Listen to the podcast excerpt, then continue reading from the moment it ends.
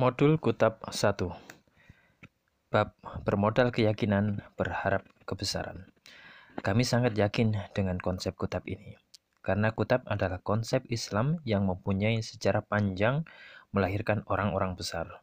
Seiring hilangnya kutab dari dunia Islam, bumi pun kehilangan cahaya dari para ilmuwan dan ulama. Kami sangat yakin dengan konsep kutab ini. Apa pun yang dikatakan oleh konsep pendidikan yang rumit dan sulit hari ini, kami tidak pernah bergeser dari keyakinan terhadap kutab. Karena kutab telah mengukir lahirnya karya-karya ilmiah yang abadi hingga hari ini. Catatan sejarah tentang kutab pun tidak hilang. Terus ada dan tidak termasuk yang ditenggelamkan pasukan Mongol di Baghdad. Juga tidak termasuk yang dibakar oleh pasukan salib di lapangan besar Libanon. Kami sangat yakin dengan konsep kutab ini, karena landasannya benar-benar Al-Quran dan hadis. Sejarah mengabadikan bagaimana keduanya bekerja pada generasi dengan cara istimewa. Dua panduan yang menjadi jalan putih dan luas, malamnya saja seperti siang. Siapa pun yang meniti jalan lain pasti akan celaka. Bukan hanya hasil yang tiada, tetapi rugi di ujung usia. Dua sumber besar bagi ilmu sepanjang manusia masih ada, tetapi telah terkubur dan hanya ditempatkan di pojok sempit masjid tidak ada di pasar, tidak ada di laboratorium, tidak ada di kebun, tidak ada di ruang-ruang negara, tidak ada di rumah penyembuhan, tidak ada di markas besar. Kami sangat yakin dengan konsep kutab ini. Mengingat sunatullah yang tetap berjalan di semesta ini. Sejarah akan terus hidup dan berulang di setiap zaman. Saat mengembalikan sistem pendidikan Islam seutuhnya, kami pun berharap hadirnya hasil yang sama dengan zaman itu. Mungkin kami yang pertama, terutama di negeri ini, sehingga telinga yang asing, dahi yang mengernyit, mata yang memicing, senyum yang tak penuh adalah hal yang telah kami duga. Semoga inilah keterasingan yang membahagiakan itu. Modul ini mengawali perjalanan panjang, masih terus memerlukan sangat banyak sentuhan tangan ahli kurikulum dan penelitian yang mendalam yang Qurani. Dalam buku tentang kutab di tanah Haramain, Mekah dan Madinah disebutkan dengan detail sejarah kutab.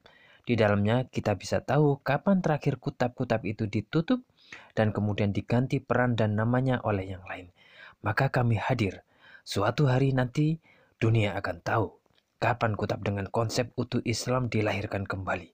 Di sini, di tempat ini, di tahun ini bersama antum semua.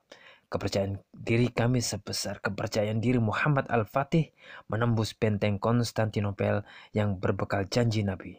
Semoga di sinilah lahir Al-Fatih Al-Fatih berikutnya yang telah ditunggu oleh semua. Ya Allah, semoga keyakinan ini mendapat ridhomu. Ya Allah, bimbing kami. Kriya Tugu Asri Depok, Sabtu 17 Robiul Awal 1433 Hijriah 10 Maret 2012 Masehi yang mencintai antum karena Allah Budi Ashari. Modul Kutab 1 Bab Kutab Kutab muncul pertama kali di zaman Nabi kemudian menyebar ke berbagai negara seiring dengan penyebaran Islam. Dimunculkan murni sebagai bagian dari rangkaian amal Islami. Kutab adalah tempat utama di dunia Islam untuk mengajari anak-anak. Keberadaannya begitu agung dalam kehidupan masyarakat Islam, khususnya dikarenakan kutab adalah tempat anak-anak belajar Al-Quran, ditambah begitu mulianya ilmu dalam syariat Islam. Rasulullah memutuskan tentang tawanan perang badar agar setiap tawanan yang tidak punya harta untuk menebus mengajar 12 anak-anak muslimin sebagai tebusannya. Kutab dibagi dua. Satu, kutab awal. Pada jenjang ini, anak-anak belajar membaca, menulis, menghafal Quran, ilmu dasar agama, dan berhitung dasar. 2. Kutab Konuni Pada jenjang ini, anak-anak dan remaja belajar ilmu bahasa dan adab. Mereka belajar ilmu-ilmu agama, hadis, dan berbagai macam ilmu lainnya. Semangat yang sangat tinggi pada muslimin saat itu untuk belajar Al-Quran membuat kutab ini berkembang sangat pesat. Seiring dengan itu, mulai bermunculan kutab khusus anak-anak yatim. Tujuan pendiriannya adalah mengajari ilmu bagi anak-anak yatim anak-anak tidak mampu, anak-anak tentara dan para pengangguran untuk menjaga dan memelihara mereka sebagai bentuk ibadah kepada Allah Subhanahu wa taala. Hal ini agar mereka tetap bisa belajar dalam asuhan ilmu dan masyarakat walaupun tidak mempunyai kemampuan untuk masuk ke kutab atau memanggil pengajar ke rumah mereka. Perhatian terhadap kutab khusus anak yatim ini sangat tinggi di zaman dinasti Az-Zankiyin, Al-Ayubiyin, dan Al-Mamalik. Nuruddin Az-Zanki, salah seorang pemimpin membangun kutab anak yatim di banyak wilayahnya dan menggaji para pengajarnya berikut anak-anak yatimnya dengan gaji yang tinggi. Besarnya kutab berbeda satu dengan yang lainnya. Kutab Abul Qasim Al-Balkhi menampung 3.000 murid. Riwayat Yakut menunjukkan bahwa kutab ini terpisah dari masjid dengan luas yang mampu menampung jumlah tersebut. Sampai-sampai Al-Balkhi, sang guru, harus memakai kendaraannya untuk mengelilingi murid-muridnya itu dan membimbing mereka. Akhir dari bagian 1. Modul Kutab 1 Bab Kutab Subbab Peralatan Kutab Kutab biasanya dialasi dengan alas seperti karpet tempat anak-anak duduk bersila di sekitar guru mereka.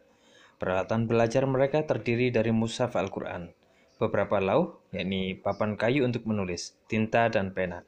Adapun guru duduk di atas kursi. Terkadang kursi diganti dengan bangunan yang lebih tinggi yang digelari karpet kecil. Subbab usia pembelajaran.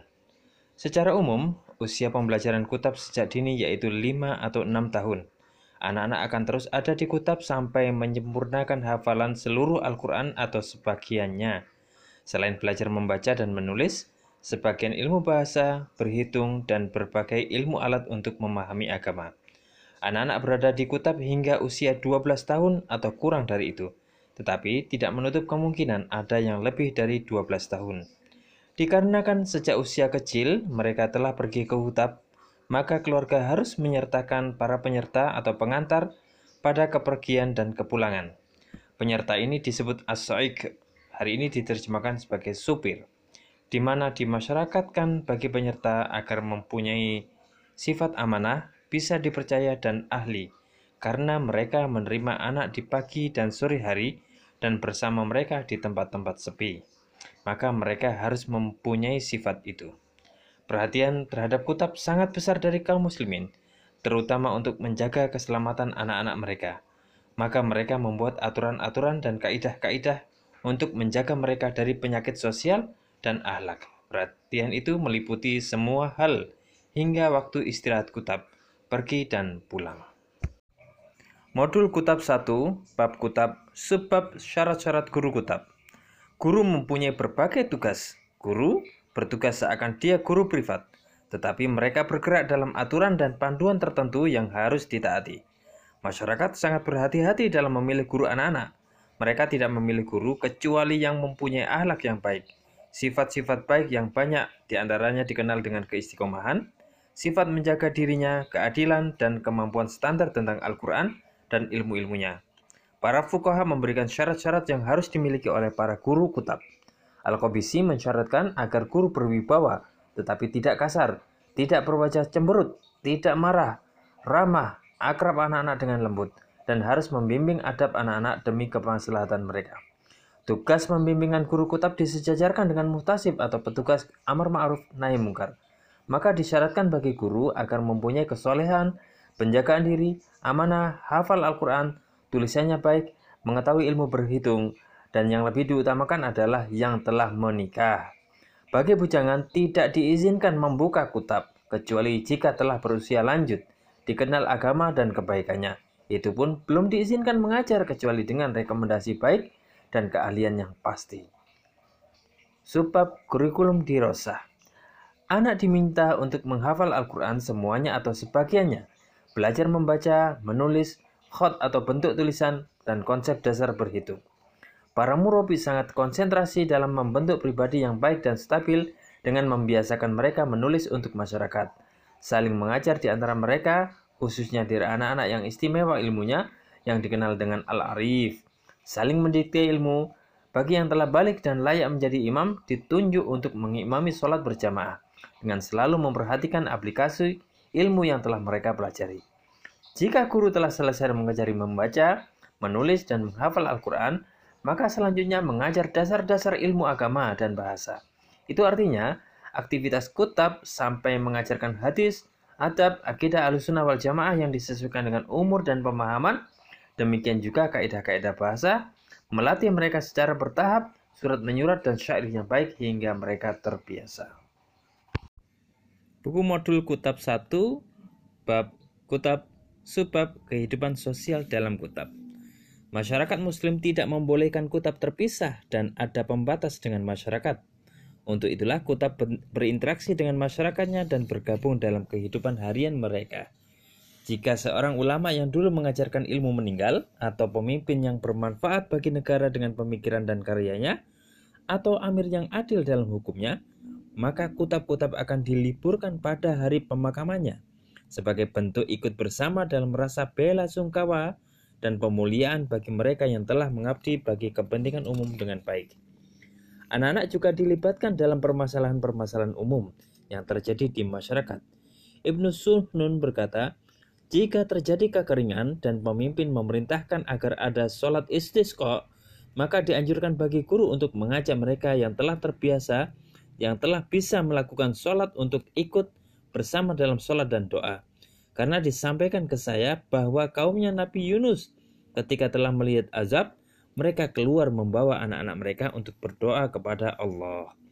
Pengajaran di Kutab sangat menekankan perhatiannya terhadap adab sosial. Seorang guru menanamkan adab dalam diri anak-anak, mendidik mereka dengan pendidikan yang baik, membiasakan mereka dengan kebiasaan yang baik, mengajari mereka cara menghormati orang lain, memerintahkan mereka untuk berbakti kepada kedua orang tua, melaksanakan perintah keduanya, mau mendengar dan taat mengucap salam kepada keduanya dan mencium tangan keduanya saat menemui mereka berdua. Guru memukul murid-muridnya jika mereka melakukan adab yang buruk, kotor dalam bicara dan perbuatan lain yang keluar dari aturan syariat. Modul Kutab 1 Bab Kutab Subbab Kesehatan Kutab yang mengagumkan juga ialah perhatian fukoha terhadap kesehatan anak-anak di kutab.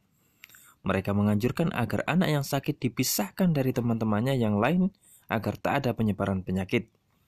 Ibnul Hajj al-Abdari berkata, seharusnya jika ada salah seorang anak yang mengeluh sakit mata di kutab atau sakit badan lainnya dan anak itu benar, maka guru memulangkannya ke rumahnya dan tidak dibiarkan berada di kutab.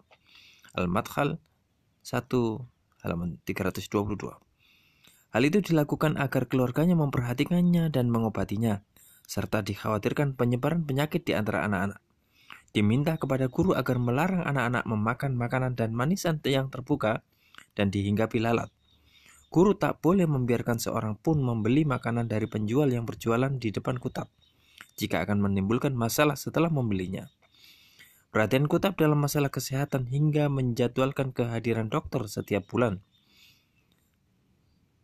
Sebab pembiayaan Kutab Pembiayaan Kutab berasal dari para orang tua yang mengamanahkan anak-anaknya di Kutab. Ada gaji bagi guru yang dibayarkan bulanan atau tahunan atau paket. Ada juga orang-orang kaya yang menanggung pembayaran kerabat-kerabatnya yang miskin atau orang yang tak mampu yang bukan kerabatnya. Di sini terlihat begitu jelas pembuktian ajaran-ajaran Islam, potret kebersamaan dan saling menanggung dalam hal fasilitas pendidikan. Hal ini meringankan beban negara dari pembiayaan pendidikan, sehingga negara hanya membiayai pada wilayah terbatas, dan inilah yang menjadi penyebab menyebarnya lembaga-lembaga pendidikan di dunia Islam saat itu. Disatur dari Al-Hadarah Al-Islamiyah Ali bin Naif Asyud.